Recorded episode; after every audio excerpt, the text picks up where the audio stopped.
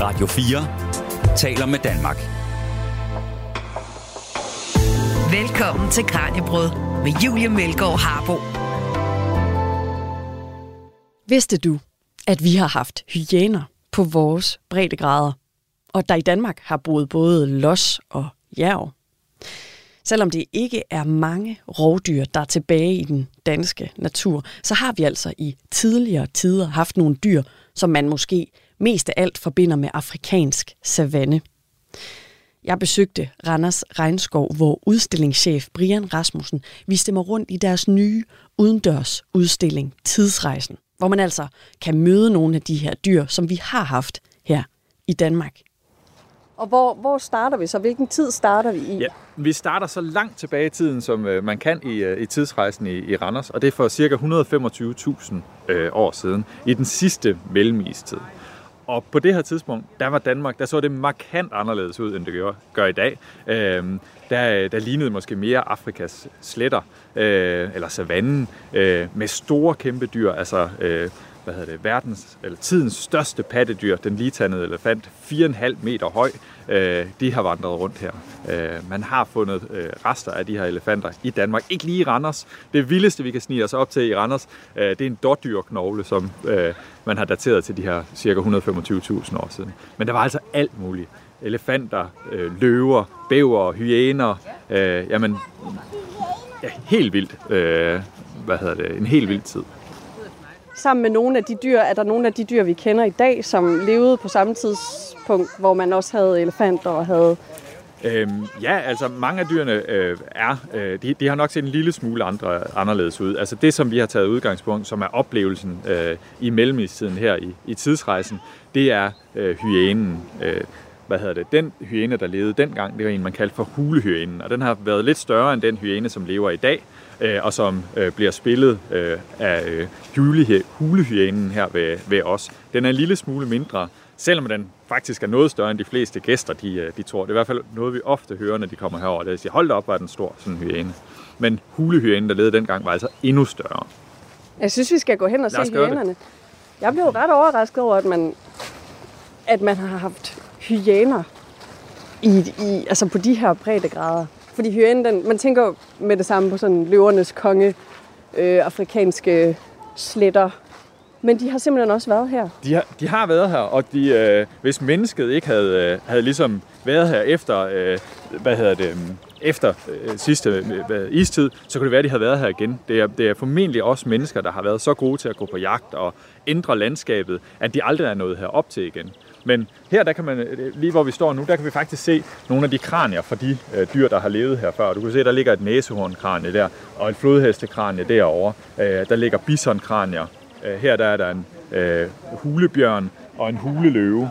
Øh, det er ligesom samlet her, fordi hyænen gør det, at den, øh, den, den kan godt finde på at samle sit bytte og trække det samme sted hen. Så det er altså sådan en, øh, en, en kirkegård fra, fra efterlandskaber fra, fra hyænen. Jeg får lige holde det i øh, løvernes kongetemaet, så er det ligesom elefantkirkegården.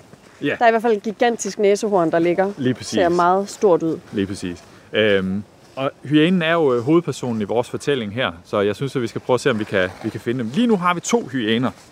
Øh, en han og en hund. Og øh, de, de går faktisk ikke sammen, sådan, der, sådan det er lige nu. Øh, de går i hver sin side af, af, hvad hedder det, af anlægget. Det kan vi dele i to. Øh, fordi at det er en ny hund, vi, øh, vi lige har fået hjem til vores, til vores han her. Men lad os se, om vi kan, vi kan finde en af dem. Hvor lang tid tager det så, før de har vendet sig nok til hinanden, til at de ikke øh, bider hovederne af hinanden? Jamen, øh, der er ikke sådan et bestemt, øh, en bestemt tid. Det er, det er mest af alt en, øh, en fornemmelse, som dyrepasserne øh, skal have. Øh, det er Amy, som er dyrepasser for, øh, for hyænerne. Øh, og hun, øh, hun holder øje med dem hver dag og, og går ligesom og kigger. Og, øh, de kalder nu sammen, sammen og snakker og er sat sammen sådan, at inde i stallen, der kan de komme til hinanden øh, igennem et, et gitter og kan lugte til hinanden og sådan noget. Og når hun så øh, føler, at det er rigtigt, så, øh, så er det altså tid. Nu øh, kan vi se en af hyænerne her. Vi kan lige gå herom, så kan vi komme endnu tættere på, så du, øh, så du rigtig kan se den. Og det her det er altså vores hund, øh, og hun, øh, hun har kun været i anlægget i øh, tre uger nu, så, øh, så hun er øh, hun har jo vendet sig til anlægget og er godt vant her, men øh, er stadigvæk sådan lidt ops på nye ting. Og nu sådan en kæmpe mikrofon, som du kan se. Det er i hvert fald, det er i hvert fald nyt. Og hun ligner jo en, altså hun ligner jo en krydsning mellem en øh, leopard og en hund. Hun har plettet ben, tyk pels, og så har hun sådan lidt nogle bløde hunde ører, og øh, det Og ligner lidt en store hunde. brune øje. Ja, Ja, store øjne, brune ja. øjne og en snude. Men så selvom den ligner meget en hund, og den, også kan, den kan også hyle ligesom en hund, kan de ikke det? Jo, altså hyæner har jo en meget karakteristisk lyd. Øh, de snakker rigtig meget. De er meget vokale. Øh, og så har de jo det her næsten, næsten sådan hyænegrin, øh, som, øh, ja, som man også hører i Løvernes Konge og sådan noget. Og det, det, er, det er nogle, nogle lyde, som er ret fjerne fra os mennesker. De lyder, det, lyder, øh, det kan godt virke sådan lidt øh, skrækindjagende, når man, øh, når man hører dem. Øhm, men det er altså den måde, de snakker på. Og hvornår griner de? Altså, det er en del af Jamen, samtalen. Det er en del af samtalen, men, men øh, jeg har indtryk af, at det er, det er mest sådan en, øh, når de synes, der er noget, der ikke er, er sådan super fedt, øh, så, øh, så griner de. Så det er ikke sådan et, det lyder bare som et grin, men det er egentlig lidt sådan et... et En nervøs latter. Øh, en nervøs latter, ja, lige præcis. Men selvom den ligner meget en øh, vamset bjørnehund, så er den, så er den i familie med kattedyret. Ja, øh, hyænen er, er, altså selvom den mest minder om en hund, når vi kigger på den sådan øh, herfra, øh, så, øh, så er katten, det er, den er tættere på katten end på, på hunden. Øh, så vidt jeg husker, så er den, så er den sådan, øh, altså, så er den også sådan lidt en, en, altså tæt på morfamilien. Øh, at det er, det er der, den kommer fra. Men den er, den er helt sin egen, øh, og har sin, øh, hvad hedder det, sit eget, sit eget stamtræ, kan man sige. Så den har skilt sig fra tidligt i, øh, i udviklingen. Noget af det, der jo er, er, er meget specielt ved hyænerne, og, og, og man kan jo næsten se, at hele kroppen er, er bygget op til det. Altså den har den her, den meget lav bag til, og så lidt øh, mere sådan kraftige øh, skuldre, øh, og en meget kraftig hals, og så har den jo det her meget store hoved, øh, og, og, og det, er, det, er jo, det er jo kæberne. Altså den har virkelig kraftige kæber og kraftige øh, tænder, og er simpelthen lavet til at knuse knogler og øh, ja, spise alt i, i byttet. Øh, vi prøvede, da vi, da vi lige fik dem, øh, prøvede vi at give dem et, øh, hvad hedder det, øh, et gedehoved med hud og hår og tænder og horn og det hele. Øh, og sådan en hyæne, den kan spise et helt gedehoved på 43 sekunder. Øh, det er, hvad det tager. Så er det væk. Altså, så er der ikke noget tilbage. Øh, så den, den, den tager simpelthen bare bidder af det. Øh, altså selv sådan Med hele kraniet. Fuldstændig. Øh, og det er jo en af de ting, som hyæner de kan. Øh, det er bare at spise øh, det, som andre ikke nødvendigvis øh, gider at spise. Der er mange sådan øh, misforståelser med hyæner øh, i forhold til, at, at de er jo sådan lidt blevet portrætteret som de her ådselsædere øh, og dyr, som stjæler andre folks, øh, de andre dyrs, øh, hvad hedder det, det er dem, de har nedlagt. Ja, resterne. Er resterne Kommer af de de andre efter. dyr, ja. Men det viser sig så faktisk, at øh, hyænen er en af de dyr, øh, som har den højeste succesrate, øh, altså jagtsuccesrate på savannen. De er faktisk nogle drygt, rigtig, rigtig dygtige jæger. De jæger på en lidt anden måde, end, end løven gør, hvor den sådan øh, ligger på lur og samarbejder med resten af flokken, øh, og så, øh, hvad hedder det, har sådan et, et hurtigt angreb, hvor de øh, så nedlægger byttet. Hyænen har mere sådan en udholdenhedsjagt, øh, jagt, hvor den bare løber byttet træt. Øh, hvad hedder det? Så de er enormt udholdende og enormt gode til at blive ved med at løbe, og ved med at løbe, og ved med at løbe, og ved med at løbe. Det er jo en effektiv strategi, hvis du har energien til øh, og, og er udviklet til at kunne løbe ting øh, trætte. Så, øh, så stikker du jo ikke bare sådan af, og så var det det. Så, så indhenter du det lige så stille bare. Øh, det er sådan en måde, de, øh, de kan finde på at jage på. De tager også øh, bytte fra andre, men det gør løver også. Og, altså, de store øh, dyr på savannen stjæler fra de andre dyr. Sådan er det. Øh, og det gør hyænen også, men, men, men slet ikke i den grad, som det er portrætteret i, øh, ja, jeg ved ikke, hvad, i, øh, i film, og, øh, og, og specielt sådan noget som, som øh, hvad hedder det, Løvernes Konge, hvor de jo virkelig har fået et dårligt ry fra. Ja, ja, for man tænker jo umiddelbart, når man ikke ved noget om hyænen, så tænker man, at den er fej, og Ja. den er uintelligent. Og det er de bestemt ikke. Altså, øh, hvad hedder det, der er, øh, der er noget forskning, der tyder på, at hyæner har øh, faktisk en meget højt øh, hvad hedder det, udviklet intelligens, altså sådan på højde med øh, nogle primater. Øh, så igen, jeg tror også, hvis man havde løven og, og hyænen, og sådan skulle se, hvem der var den klogeste af de to, så tror jeg, at hyænen øh, den helt klart ville, øh, ville vinde. Tænk, at den kan fortære et helt gedehoved på 43 sekunder med kranie og det hele. Ja, og horn og, Og alt, horn. og alt, alt er væk. Altså, og den tager simpelthen bare en bid af det, og den, altså sådan, øh, hvad skal man altså en, en, en stor øh, tennisbold øh, klumps kød med knogler, der stikker ud i alle retninger, det sluger den i, i en mundfuld. Altså det synker den i en mundfuld. Så det er ikke engang, fordi dens kæber og tænder nødvendigvis tykker igennem alt det her Nej, det gør den øh, ikke. Den- knogle. den- Den, sluger bare, den, og så den bider et stykke af, og så sluger den det. tænker han mave, der kan, Der skal kan klare noget, øh, den opgave. Der skal noget, øh, noget mave til, ja. Nu har jeg lige før været op og se, vi gik forbi øh, der, hvor jaguarerne bor. Det er jo sådan en enspænder.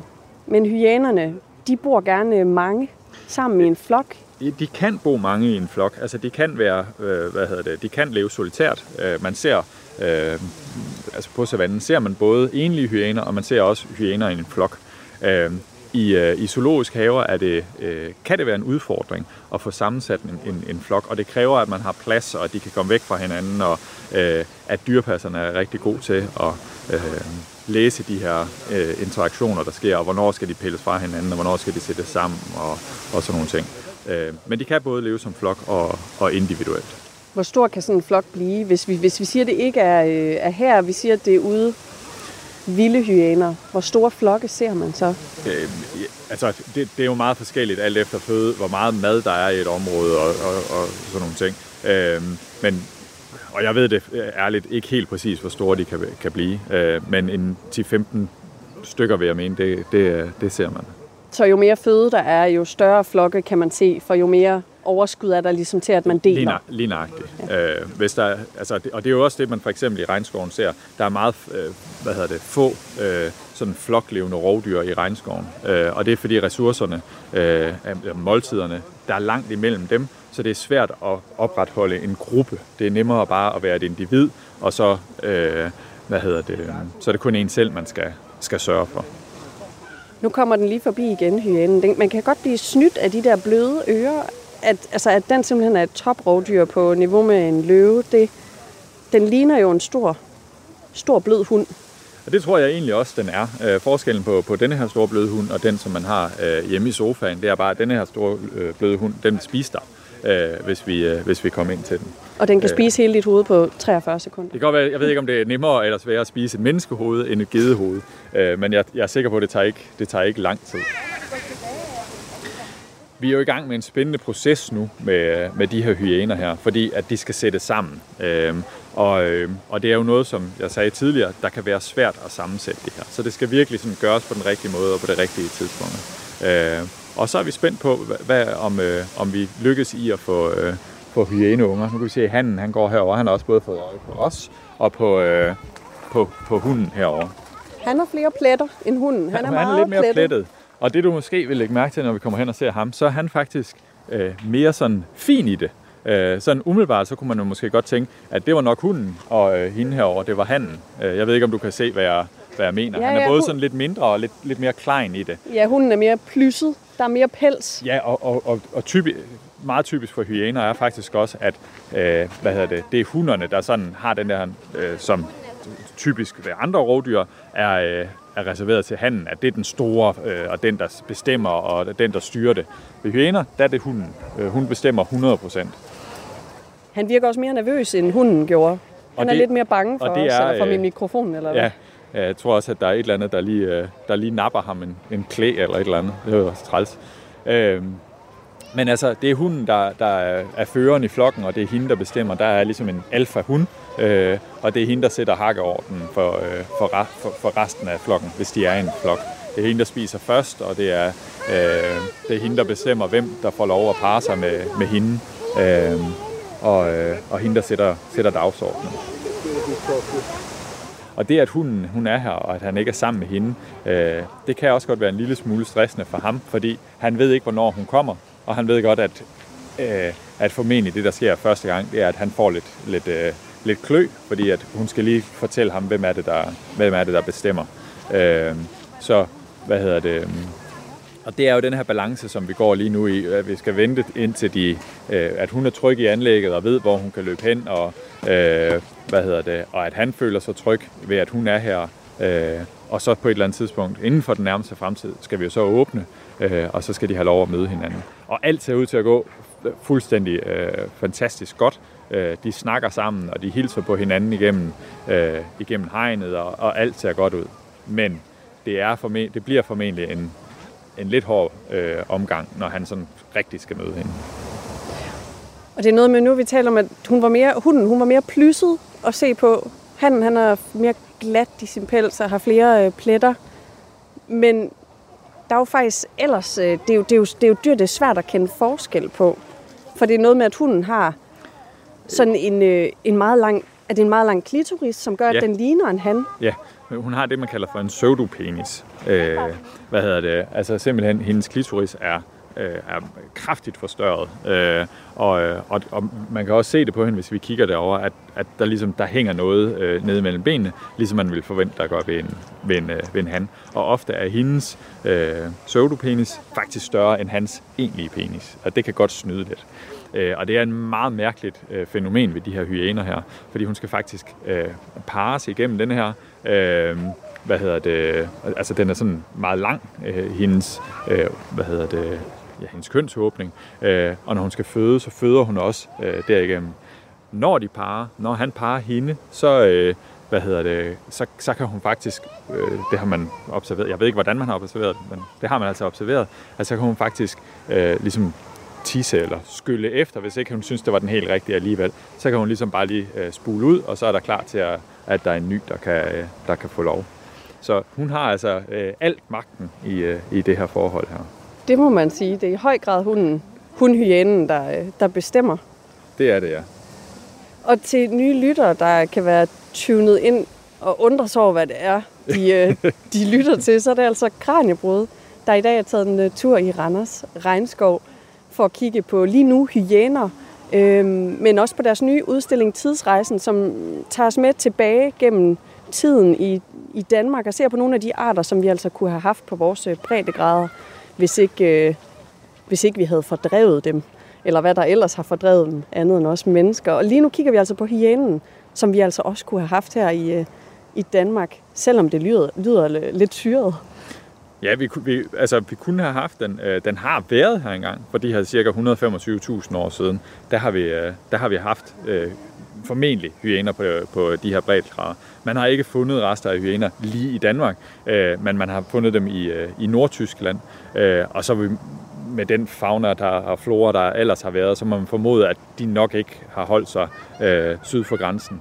De har nok også øh, kommet herop. Der er bare ikke lige fundet øh, en knogle for hyæner. Så det er en, øh, det er en spændende tanke at, øh, hvad hedder det, at tænke, at jamen, der kunne faktisk have været hyæner i den, i den danske natur, hvis de havde fået lov at komme tilbage, efter isen havde presset dem øh, længere sydpå. Du lytter til Kranjebrud på Radio 4. Og vi skal måske bevæge os videre til det næste dyr her i tidsrejsen, til den næste tid.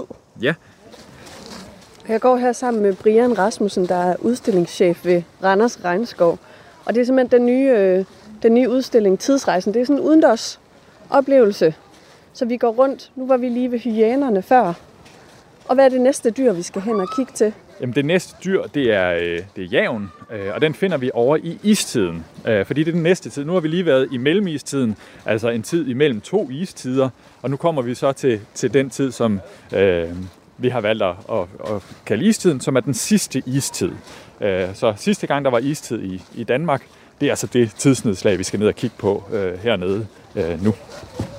Og jævn, den findes jo stadig på vores breddegrader. Er det ikke rigtigt nok, at den i hvert fald findes i både Norge og i Sverige?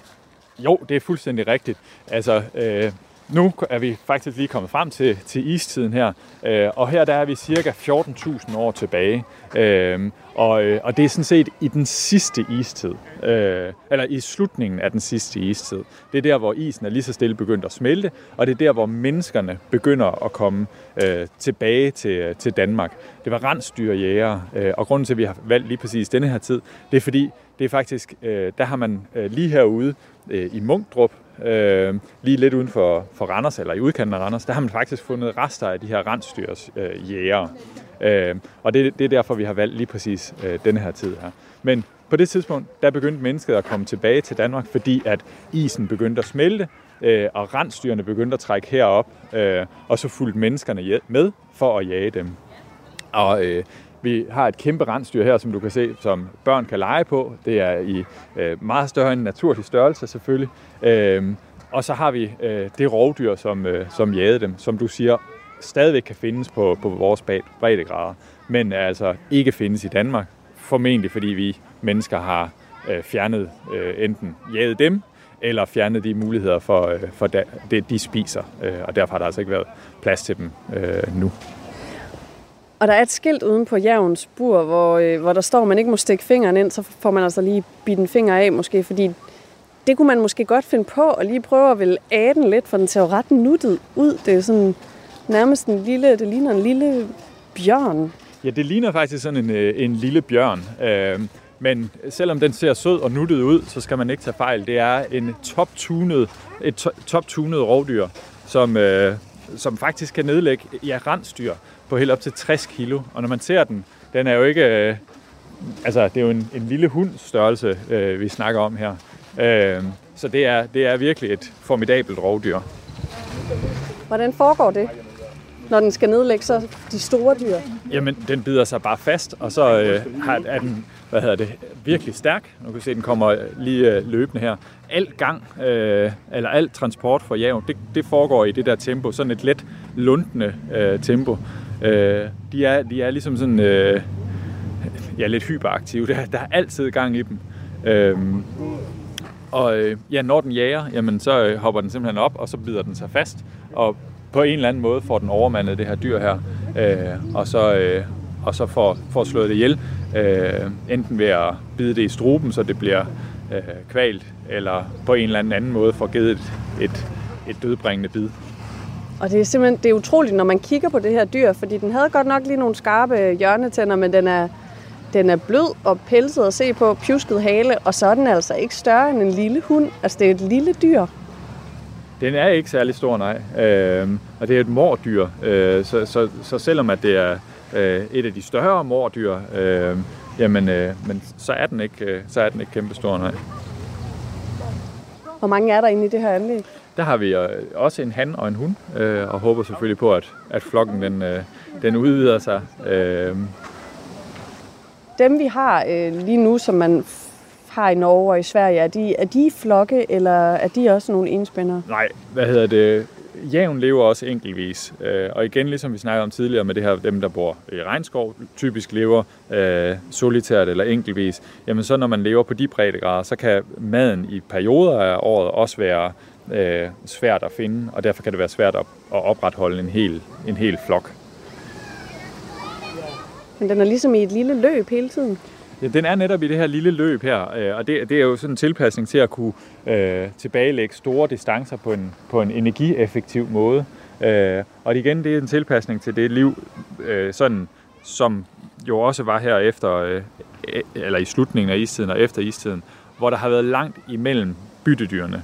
Øh, planterne er først lige begyndt at komme op, øh, så, så hvad hedder det, sådan noget som rensdyr, jamen de har også skulle bevæge sig langt rundt for at finde, finde nyt mad. Og det gør jo også, at det er et rovdyr som jævn, som, er, øh, som kan bevæge sig over store afstande på en energieffektiv måde, øh, som vinder frem og som har en, som har en chance. Man har skulle have en eller anden tilpasningsevne til, at der er langt imellem, øh, imellem maden. Og det kan enten være at flytte sig, eller øh, kunne øh, på en eller anden måde spare på ressourcerne. Og nu talte vi før om hyænerne. De, øh, de spiser alt, og de spiser hele knogler hele dyret. Hvad spiser jævn? Jamen jævn spiser også alt, hvad den kan få fat i. Altså, det, det er sådan en, en opportunistisk jæger, der, der, der altså, ja, spiser alt. Hvis den kan finde en mus, så spiser den den. Hvis den kan finde en, øh, en regnorm, så tænker jeg også, at den, den spiser den. Øh, men selvfølgelig, øh, den, den, den går efter de store bytte, hvor den kan få en masse mad på én gang. Øh, og det er det, der ligesom hvad hedder det, bestemmer i hvilken retning den går, og hvad der så falder ind på tallerkenen i mellemtiden, jamen det spiser den også. Øh, man, har, øh, man har observeret jævn, at, at den øh, formentlig også har kunne finde ud af at gemme sit bytte øh, hvad hedder det, i vandet, øh, så den har trukket bytter hen, og så puttet det ned i vandet, for at den ligesom har over flere dage kunne, kunne gemme det. Der har jo været meget koldt, Øh, så hvis det bare har ligget ude, så er det, så er det frosset. Øh, det har ikke været noget problem for, for javen, at den, den ligesom kunne... Øh, den kan også godt spise frossen kød, men øh, det, øh, det har altså også været en, øh, hvad hedder det, vist sig at være en fordel at kunne gemme det i, i vand. Øh, Så derfor er der også en sø for dem heromme på den anden side, øh, hvor de også kan komme ud og, ud og bade. Og, øh, Kan de godt lide at svømme? Øh, De har i hvert fald ikke noget imod det. Altså, det, jeg tror ikke, det er sådan en ting, hvor de sådan tænker, ah, det er dejligt at komme ud og svømme. Men de bruger vandet. Øh, ikke, ikke hver dag, og det, jeg synes, det tegner til at være de dage, hvor der er varmt. Jamen, der bruger den mere energi på, på at bade end andre dage. Hey!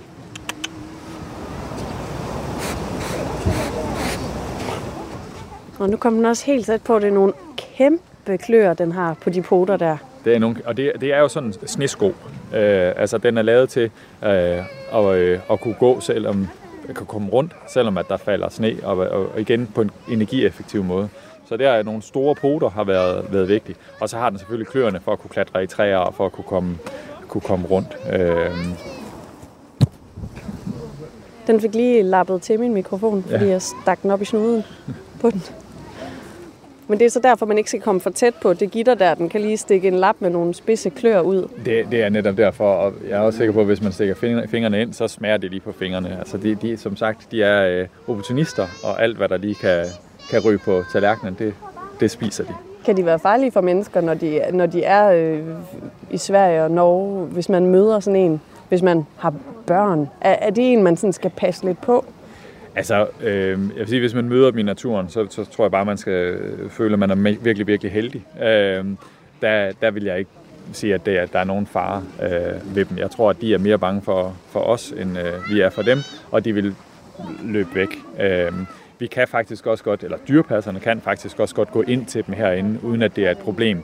De holder sig på afstand og, og afventer lige situationen. Men som vi snakkede om før, så skal vi huske, at det er et rovdyr, som nedlægger bytte på op til 60 kilo. Øh, og, øh, og et menneske på 60 kilo er jo, er jo ikke et ualmindeligt. Øh, jeg tror virkelig, at den skal være sulten, øh, hvis, øh, hvis den skal kigge på et menneske som, som et bytte. Men det er et farligt rovdyr. Skal vi bevæge os videre til Det næste godt. tid? Jamen, vi kan, vi kan lige prøve at kigge herover på den anden side, øh, fordi der har vi øh, et andet dyr, øh, og der har vi faktisk snydt lidt. Øh, øh, på, der er en heroppe, kan jeg se. Øh, Der ligger ligesom, øh, der er lidt åbent nogle små øh, jordbunker, og så ligger der gulerødder og broccoli, tomat. og så lige her, der, øh, der kan vi se, øh, se dyret. Øh, og i de her øh, åbne sletter, som var efter, øh, efter sidste istid, eller hvad hedder det, da, da isen lige så stille begyndte at trække øh, væk, jamen øh, der kom der sådan en, en gnaver, som hedder en sisel. Øh, du kan se, de som lever, øh, hvad hedder det, graver huller øh, hvad hedder det, og gange ned under jorden og lever hernede. Øh, sisler har man ikke særlig meget i zoologiske haver, og de fungerer ikke øh, specielt godt i zoologiske haver. Så vi har valgt at bruge nordamerikanske præriehunde til at spille rollen som de her sisler. Øh, og det er jo både sådan en, en, en ting for at fortælle historien om sislerne og hvad der sker, men også fordi, at de giver en masse liv øh, til, øh, til området. Og igen, vores primære formål, som jeg startede med at sige, er jo at prøve at skabe fascination og begejstring for naturen. Så her bøjer vi i virkeligheden en lille smule. Øh, vi er helt bevidste, og vi siger ikke, at det er en sisel. Vi siger, at det er en nordamerikansk. Øh, men den lever øh, og opfører sig på meget samme måde, som, som de gør. Og selvom det hedder en præriehund, så er det jo sådan en, li, en lille gnaver. Det er en, hvad, Ja, det ligner jo lidt, lidt sådan større en, end et marsvin. det ligner jo lidt sådan en, mær- sådan en mærkelig blanding af en øh, marsvin og en hund. Øh, måske For en den lidt kan rejse sig op på bagbenene. Øh, men, øh, men ja, det er altså en, øh, en knaver, og du kan se børnene derhen. Det, det er et af de dyr, som, som har stor, altså som, som gæsterne er rigtig glade for. Fordi der ofte er gang i det, og de er lidt sjove, når de står op på bagbenene, øh, og de siger nogle, nogle sjove lyde. Og buret her er jo også, det er ikke et bur, det er jo åbent. Man kan komme helt tæt på, fordi de ikke farlige. De er ikke farlige. Der, de, de tager ikke fingeren med hjem. Øh, der er ikke mennesker på, på tallerkenen der. Øh, men for os er det, det væsentligste, det er jo at få skabt den her fascination, og få, få, øh, få åbnet øjnene for de mennesker, som måske ikke er lige så vilde med naturen, som vi er. Øh, få dem til at se, hvad, hvad det fede er. Øh, og når man ser præriehunden sidde der, så kan man jo ikke... Det er svært ikke at blive en lille smule forelsket. Er de godt nok søde? Og de bygger, de ligner, de har en masse grotter. De har bygget Ja, vi- tunneller. Vi, øh, vi var jo sådan meget, og vi skal lige hjælpe dem lidt og prøve at lave øh, nogle huler. Så vi har lavet huler herinde under, øh, hvad hedder det, inde under bakkerne her. Og jeg tror, det eneste sted, de ikke bor, det er de huler, vi har lavet. De har simpelthen lavet deres helt egen. Øh, og det, øh, og det, det er selvfølgelig også naivt af os at tro, at vi er bedre til at bygge præ- præriehunde, øh, huler, end øh, præriehundene de er. Så øh, de, øh, de gør det, de skal, og øh, de stortrives, og det er rigtig sjovt at se, hvordan en af de tilpasninger, de har, er jo det her med at sidde højt oppe og holde øje, øh, og hvis der så flyver en rovfugl forbi, så går de, så, hvad hedder det, kommer de her sjove lyde, og, og, og de advarer alle de andre, og så piler de ned i deres huller, og så går der lige et par minutter, og så kan man se, at de lige så stille begynder at, at komme op igen og kigge. Og så er der en, som kommer op på toppen og sidder, og så er den, der har øh, udkigsposten.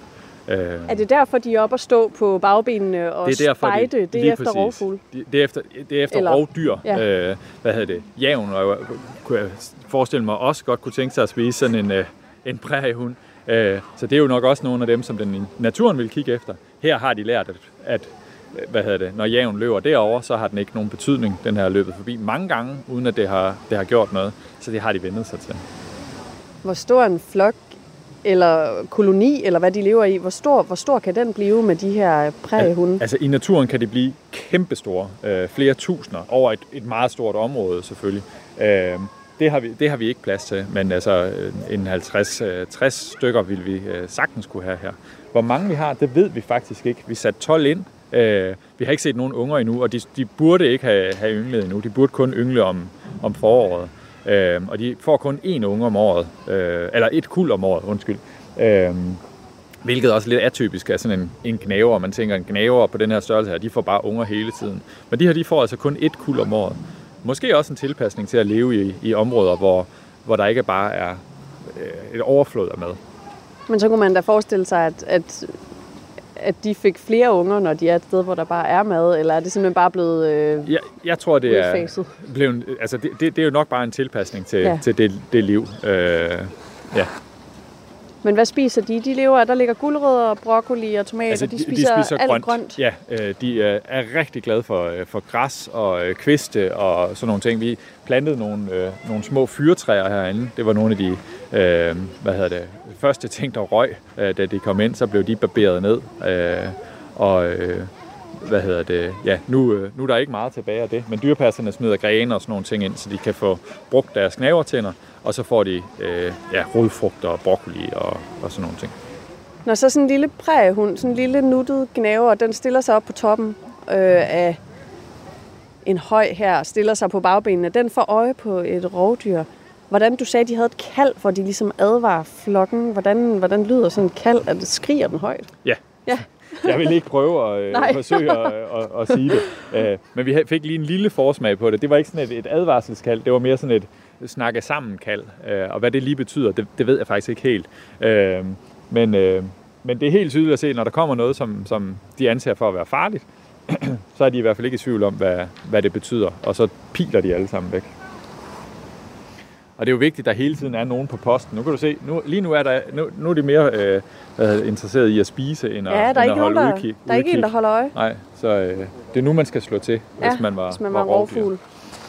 Hvad hedder det? Jeg synes, øh, inden vi går videre til næste tid, så skal vi lige forbi øh, dødisen. Fordi det, det er jo istiden, vi er i, øh, og, han, og det handler om øh, det handler jo selvfølgelig om is i istiden. Øh, Og hvad er det, vi står foran her? vi står for en kæmpe stor øh, isklump. Den er kunstigt lavet. Vi, vi, det, det, det var for bøvlet at have sådan en, en, en rigtig isklump øh, i den danske sommervarme. Så en kunstig isklump her, øh, som øh, fortæller historien om, at de her kæmpe gletsjer, som var øh, i Danmark på, på, på det her tidspunkt, altså hvor de her, øh, hvad hedder det, da de var på, på, på toppen, øh, 24.000 år siden, der var gletsjerne altså en, hvad hedder det, 500 meter øh, høje, altså så fra jorden af og så 500 meter op, det var bare ren is. Og så fyldte de jo hele Danmark. Så det har jo været altså, helt afsindig meget is. For, hvad hedder det, øhm, de her 14.000 år siden, som er der, hvor vi er lige nu, øh, jamen, der er isklumperne, eller gletsjerne, de er stoppet, de er, de, har, de er stoppet med at bevæge sig, og derfor er de gået fra at være en gletsjer til at være det, man kalder for en død isklump, fordi den ligger stille. Og så har de stadigvæk ligget i mange, mange tusind år, lige så stille og smeltet væk. Og det er altså sådan en klump, vi ligger her på. Og her i tidsrejsen har man faktisk mulighed for at gå ind i isklumpen, og det synes jeg lige, vi skal prøve at gøre. Fordi Ja. inde midt i isklumpen, der ligger der også en, øh, en, øh, en hemmelighed gemt.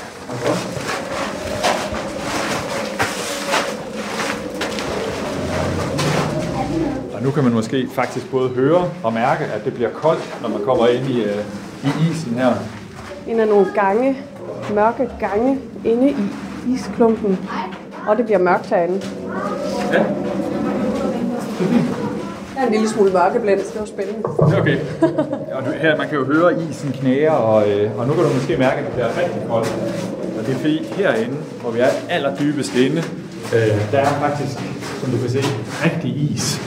Så nu er vi altså allerdybest inde i, i isklumpen, øh, hvor, øh, ja, hvis du mærker på væggene, så er de øh, kolde og våde, ligesom det vil være. Og gemt herinde i isen, der ligger altså en mammut, kan du se, eller resterne af en mammut. Øh, der ligger et mammutkranie med stødtænder og det hele øh, gemt herinde. Øhm, og det var noget af det, der, der, der skete, og noget af det, man nogle steder i verden stadigvæk kan se, at de her dyr, som levede øh, og døde øh, under istiden, ligesom blev bevaret i, øh, i isen og blev transporteret rundt. Så det er den historie, vi, øh, vi fortæller herinde.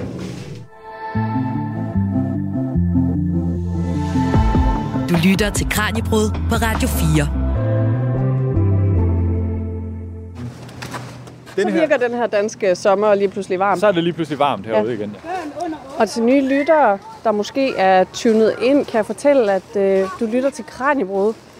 Og jeg er i dag i Randers Regnskov med Brian Rasmussen, der er udstillingschef her ved Randers Regnskov. Og vi har været rundt og se nogle forskellige dyr fra deres nye udstilling Tidsrejsen, hvor vi simpelthen tager tilbage til istiden, til forskellige tider i Danmark og ser på, hvilke dyr vi har haft her på vores breddegrader. Vi har snakket om hyæner, om jævn, om øh, præriehunden.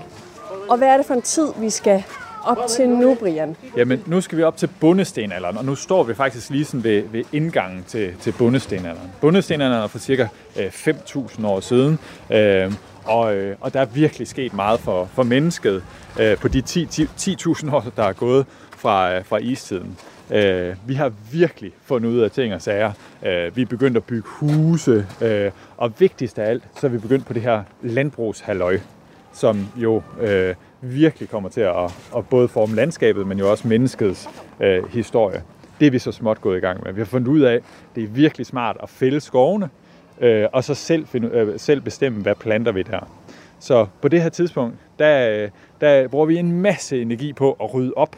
Øh, altså simpelthen øh, ret jorden ud, fjerne sten øh, og fjerne træer.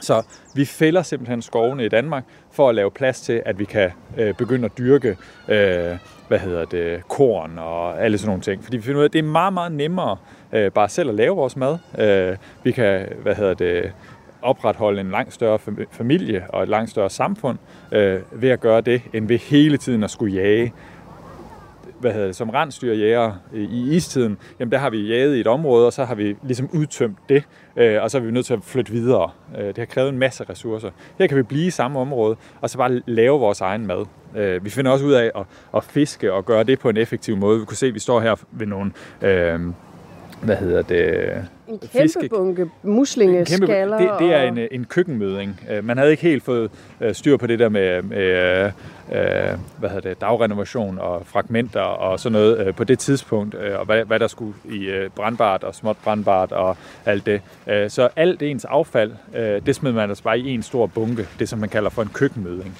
Så det er det, vi står ved, og der kan du se, der er mange blåmuslinger, der er noget østers, og der er, hvad hedder det, vildsvinekranier og rådyrkranier, og øh, jeg tror, der ligger en ged der. Øh, men der ville også have været sådan noget som øh, pindsvinekranier øh, og sådan nogle ting. Vi spiste jo alt. Altså alt, hvad der ligesom kunne, kunne grilles, det, det, blev, det blev spist. Og resterne af det røg ud i, i køkkenmødingen. Det har lugtet helt forfærdeligt. Men vi for, formår også at ligesom sætte øh, tingene i system og finde ud af, jamen det, det er faktisk effektivt, hvis vi bruger øh, fiskegærer. Så kan vi styre fiskene og så fange altså langt større, øh, større mængder. Vores teknologi bliver meget bedre. Øh, og det er hårdt for naturen. Øh, hvad hedder det? Store områder og skove forsvinder. Øh, vi kan se vores, øh, vores dyr i, her i bundestilerne. Det er lossen. lossen. øh, et af de sidste store rovdyr, som er tilbage i Danmark, fordi at mennesket simpelthen har fjernet deres steder at være og fjernet føde, fødegrundlaget øh, for dem. Men man kunne stadigvæk se lossen. Den forsvinder kort tid efter her, hvor vi er lige nu. Så er der ikke plads til dem i Danmark mere simpelthen. Øh, og øh, så, så den, her frem, den her fremskridt i teknologi, og der mener jeg jo ikke mobiltelefoner og den nyeste iPhone og sådan noget, jeg mener fiskegære og en, øh, en plov og en, øh, øh, sådan, nogle, øh, sådan nogle småting. Det at kunne forme sten til redskaber, øh, det er den teknologi, som, som gør, at vi allerede her virkelig har stor øh, effekt på naturen og på landskabet. Ja, og nu står vi her ved, ved den europæiske los, ved øh, dens bur. Måske vi lige skal beskrive, hvad det er for et dyr, for det er ikke sikkert, man ved, hvordan en los ser ud. Jamen, den europæiske los er jo en, øh, en, øh, en stor kat. Vi kan lige prøve at gå herind, så tror jeg, vi kan se den. Ja, det, den ligger lige op på taget herovre nemlig. Se, den, den ligger lige herovre. Så det er jo sådan en, en, øh, en stor kat på øh, 20 kilo, eller, eller sådan noget i den stil. Øh, og når man er sådan en, en uh, adræt og øh, smidig jæger, så 20 kilo, så, så er man altså faktisk ret stor. Man er i hvert fald i sådan en størrelse, så øh, hverken jeg eller vores dyrepasser har lyst til at gå, gå ind til dem mere. Øhm, og, øh, og det er jo en, en skovkat, som er tilpasset til ja, det, der var de danske skove engang, øh, og tilpasset til at spise sådan noget som, øh, som primært rådyr. Øh, det er rådyr og småfugle og sådan noget. Det er det, de, det, er det, de jager. Hvorhen har man den i dag i Europa? For er den ikke stadig den er stadigvæk i Europa. Altså, det her det er den, øh, hvad hedder det, det er den, den her art her, det er den, som man øh, ser i Norge og Sverige, øh, hvor man kan se den stadigvæk i dag. De har jo stadigvæk meget mere plads til, til vild natur, og, de, og, og derfor er der altså plads til, til lossen der. Øh, så er der nogle andre, øh, hvad hedder det, der er den spanske los og sådan nogle ting, så der er nogle andre, som minder meget om dem, men som er en, en, anden, øh, en anden art. Øh, men lige den her ser man altså øh, nordpå. Ja, den ligner bare en stor kat med måske lidt, øh, lidt pletter og så sådan nogle øh, spidser oven på ørerne nærmest. Ja, den har, den har de her karakteristiske øh, spidser på ørerne, som formentlig er sådan en camouflage-ting for hvad hedder det, hvad hedder det, udviske konturerne af, af de her opmærksomme ører lidt måske. Øh, jeg ved ikke, om de har, har andre funktioner. Øh, vi har været heldige i år øh, og øh, fået killing øh, for første gang. Så jeg tror, det er vores hand, der ligger heroppe. Øh, men øh, vi har også hunden, øh, og selvfølgelig vores, vores nye killinge, øh, killing herinde også. Og øh, det har været meget spændende at, at følge, fordi vi har prøvet at gøre det på en lidt anderledes måde, end man traditionelt gør, når man laver los. Normalt, så vil man, hvis man ser, at hun er gravid, så vil man skille handen og hunden fra hinanden, og så får hun lov til at øh, hvad hedder det, gå for sig selv sammen med killingen og opfostre den. Men vi har faktisk valgt at prøve at lade dem gå sammen. Øh, fordi vi, øh, hvad hedder det, øh, vi synes, at der var en god kemi mellem han og hun, og det virkede, øh, det virkede okay. Og man kan faktisk, vi kan tydeligt se, at han får en masse ud af også at være øh, sammen med dem, øh, og ligger sammen med både mor og killing, og vasker killingen, og øh, hvad hedder det, hjælper den med at gå på jagt og sådan nogle ting. Så det her med, at, at katte øh, altid er solitære dyr, øh, det tror jeg, de er af, af nød, øh, ikke nødvendigvis. Øh, de får øh, også hvad hedder det, glæde af hinanden. Øh, og det er der faktisk også studier fra, fra blandt andet vores jaguar, som viser, at jaguarer i naturen, hvis de har muligheden, så kan de sagtens finde på at være sammen og udviser også social adfærd øh, sammen, selvom man egentlig de sidste mange, mange, mange år har anset dem for at være øh, stærkt solitære. Så øh, noget af det her, som vi snakkede om før, hvis der ikke er nok ressourcer, jamen så kan man ikke så godt leve i flok. Det er måske mere et spørgsmål om netop ressourcer end, øh, end natur. Er det også derfor, man tænker, at de er forsvundet fra, fra Danmark? Er det fordi, der ikke har været nok ressourcer til, at de har kunne blive her, og så har de, der har ikke været nok natur til, at de har kunne bo her, så har de bevæget sig væk fra de områder her? Det, det er 100% sikkert øh, derfor. Altså jeg tror, der, der, der er selvfølgelig nok flere årsager til det, men, men det, at mennesket øh, her i bundestenalderen begynder at, at være så hård ved naturen, altså fælder kæmpe, kæmpe store skovområder, og vi bliver jo kun bedre og bedre til det, jo længere vi kommer frem i, i, uh, i tiden. Uh, det har haft hvad hedder det, kæmpe effekt på, hvad hedder det, på lossen. Uh, det har også haft kæmpe effekt på de ting, de spiser. Så rådyrene, dem er vi jo også begyndt at jage, og vi er blevet markant mere effektive jæger. Vi har buer, pil, og vi har uh, altså, vi har igen den her teknologi, som gør, at vi er meget, meget mere effektive. Vi bliver også mange flere mennesker, fordi vi begynder at dyrke øh, korn og sådan nogle ting. Så der, skal, der er lige pludselig flere mennesker, der kan gå på jagt, øh, og der er flere mennesker, som skal have kød. Øh, så det fjerner også noget af grundlaget. Og så tænker jeg også, at, at øh, hvad hedder det, bundesten eller mennesket, de ikke har syntes, at øh, lossen var mega fed, for den har jo sikkert spist nogle af de dyr, som man lige så stille begynder at domesticere. Man begynder at have geder og sådan nogle ting. Øh, og lossen har jo været ligeglad, om det er et rådyr eller en ged, den har spist. Men det har mennesket helt sikkert ikke. Så, så det har sikkert også været noget af det. Vi har sikkert jæget dem øh, for, for at fordrive dem, fordi de var vildt irriterende. Og mennesket er bare en virkelig, virkelig dygtig jæger. Vi har det svært med rovdyr. Vi har det svært Tæt med på rovdyr. i Danmark ja. i hvert fald. Ja. Ja. Hvorhen er, er det samme bur? Du sagde, det er samme bur, killingen og hunden er i. Altså, de har mulighed for at være samme, øh, samme sted. Anlægget er bygget sådan op, at øh, hvad hedder det, det er ligesom to del, så den kan være både på den ene og den anden side af den her langhus, som vi står inde i lige nu øh, og kigger ud fra. Øh, og jeg kan ikke se øh, mor og killing lige nu, men der er også masser af steder, at de kan, de kan gemme sig. Ja, der er mange gemmesteder inde i deres... Øh, herinde på denne her side, nu før stod vi og kiggede ud på øh, et kulthus, som var, var brændt. Det var noget, man gjorde. Man byggede de her kulthuse her, øh, og så af en eller anden grund, øh, som en del af ritualet, så brændte man dem. Øh, hvad hedder det? Og øh, på den anden side, der kan man se stendyssen.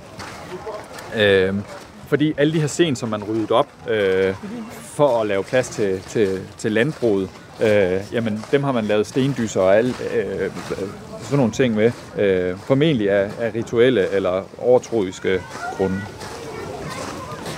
Og nu øh, bevæger vi os videre til den sidste tid, øh, i hvert fald øh, indtil videre, til nutiden. Og det er jo en tid, vi kender godt, fordi det er jo øh, den tid, vi lever i nu. Og som du kan se, så, øh, så adskiller den sig meget fra de andre tider. Øh, vi er ved en, øh, ved en bondegård øh, med øh, hvad hedder det, domesticerede øh, køer og grise, øh, og der er faktisk ikke øh, hvad hedder det, andre øh, vilde dyr end det fugle, som lever bare øh, normalt her, lige her i, i Randers. Øh, og det er jo egentlig for at fortælle historien videre og sige, jamen allerede i stenalderen, eller bundestenalderen, begyndte vi lige så stille at være rigtig gode til at, at forme landskabet. I dag er vi jo helt sindssygt gode til at forme landskabet, og har jo formet øh, stort set alt, hvad der er at forme i, i Danmark. Øh, så naturen har meget, meget lidt plads. Øh, hvad hedder det? Man kan jo øh, sige, at vi heldigvis øh, er begyndt at blive en lille smule klogere, fordi øh, der, hvor vi er lige nu, er jo faktisk ikke det tidspunkt, der er det aller værste i forhold til øh, dansk natur. Der er mere øh, dansk natur nu, end da det var aller værst. Altså, ulven er kommet tilbage. Den er øh, udskilt af nogen, men den er trods alt kommet tilbage. Er der ikke generelt fremgang af rovdyrene? Der er generelt fremgang, og det var egentlig det, jeg vil, vil gerne sige. Jamen, vi er jo heldigvis, vi er blevet virkelig gode til øh, landbrug og effektivisere og, og det her, men vi er også øh, heldigvis stoppet op og tænkt, ah, der, der er noget galt, vi må gøre noget. Øh, og for mig og for Randers Regnskov, så er det jo et godt tegn, at mennesket som helhed i Danmark tænker, okay, vi må hellere gøre et eller andet. Vi, vi, på vej den rigtige vej. Det kan godt være, at det går alt for langsomt i, i forhold til, hvad det skal, og i nogens øjne. Øh, men det, at der i det mindste er en retning, der viser, at jamen, mennesket som, som øh, dyreart vil faktisk gerne naturen igen. Der er faktisk sket noget øh, de sidste 100 år øh, for naturen. Øh, og hvis vi sætter endnu mere skub på, kan der jo ske endnu mere. Ja, det er jo ikke, fordi vi er stoppet med at opdyrke og, og, og udvide landbrug, udvikle landbrug. Det, det handler jo mere om, at vi måske er stoppet med at jage de her jeg, jeg, dyr. Jeg tror, øh, ja, det, det tror jeg er, er noget af det. Øh, men der er jo også, øh, i hvert fald øh, i min tid, en helt anden snak omkring, jamen, hvad skal vi med den natur, øh, som er tilbage, og med de områder, som vi har mulighed for at gøre noget for. Hvad skal der ske med den? Øh, og bare for, ja, jeg kan huske 20 år siden, jamen, der var det ikke noget, der fyldte på samme måde, som det er nu. Så øh, menneskedyret i Danmark er jo begyndt at tænke sig om. Det kan godt være, at det måtte godt gå hurtigere, det synes jeg også, men øh, men, men vi tænker i det mindste, og vi gør i det, mindste, i, det, i det mindste noget. Og det er noget af det, som den sidste tid, som åbner næste år, kommer til at skulle handle om øh, her i, øh, i tidsrejsen. Det er, jamen, hvad kan mennesket gøre, og hvad kan vores fremtid se ud? Øh, Randers Regnskov vil jo gerne, at en, en fremtid i Danmark ser ud, øh, hvor naturen øh, får mere plads, og hvor øh, biodivers, biodiversiteten vinder lidt tilbage og, og øh, får nogle bedre kår. Og når man så tænker, at jeres næste, den næste åbning udstilling skal være fremtiden, er der så nogle af de dyr, vi har kigget på her i dag, som man kunne forestille sig kunne få comeback i Danmark? Nu har vi set, at ulven har, har fået comeback, og vi har los og jerv tæt på op ved Sverige og Norge? Er der nogen af dem, man kunne forestille sig kunne få comeback? Altså, det, det vil vi da ønske, det, det, at, øh, at det kunne. Vi kommer ikke til at lave et, øh, et anlæg øh, til hyæner igen i fremtiden, fordi at det, vi er også nødt til at tænke på, hvad der giver mening i forhold til de gæster, vi har.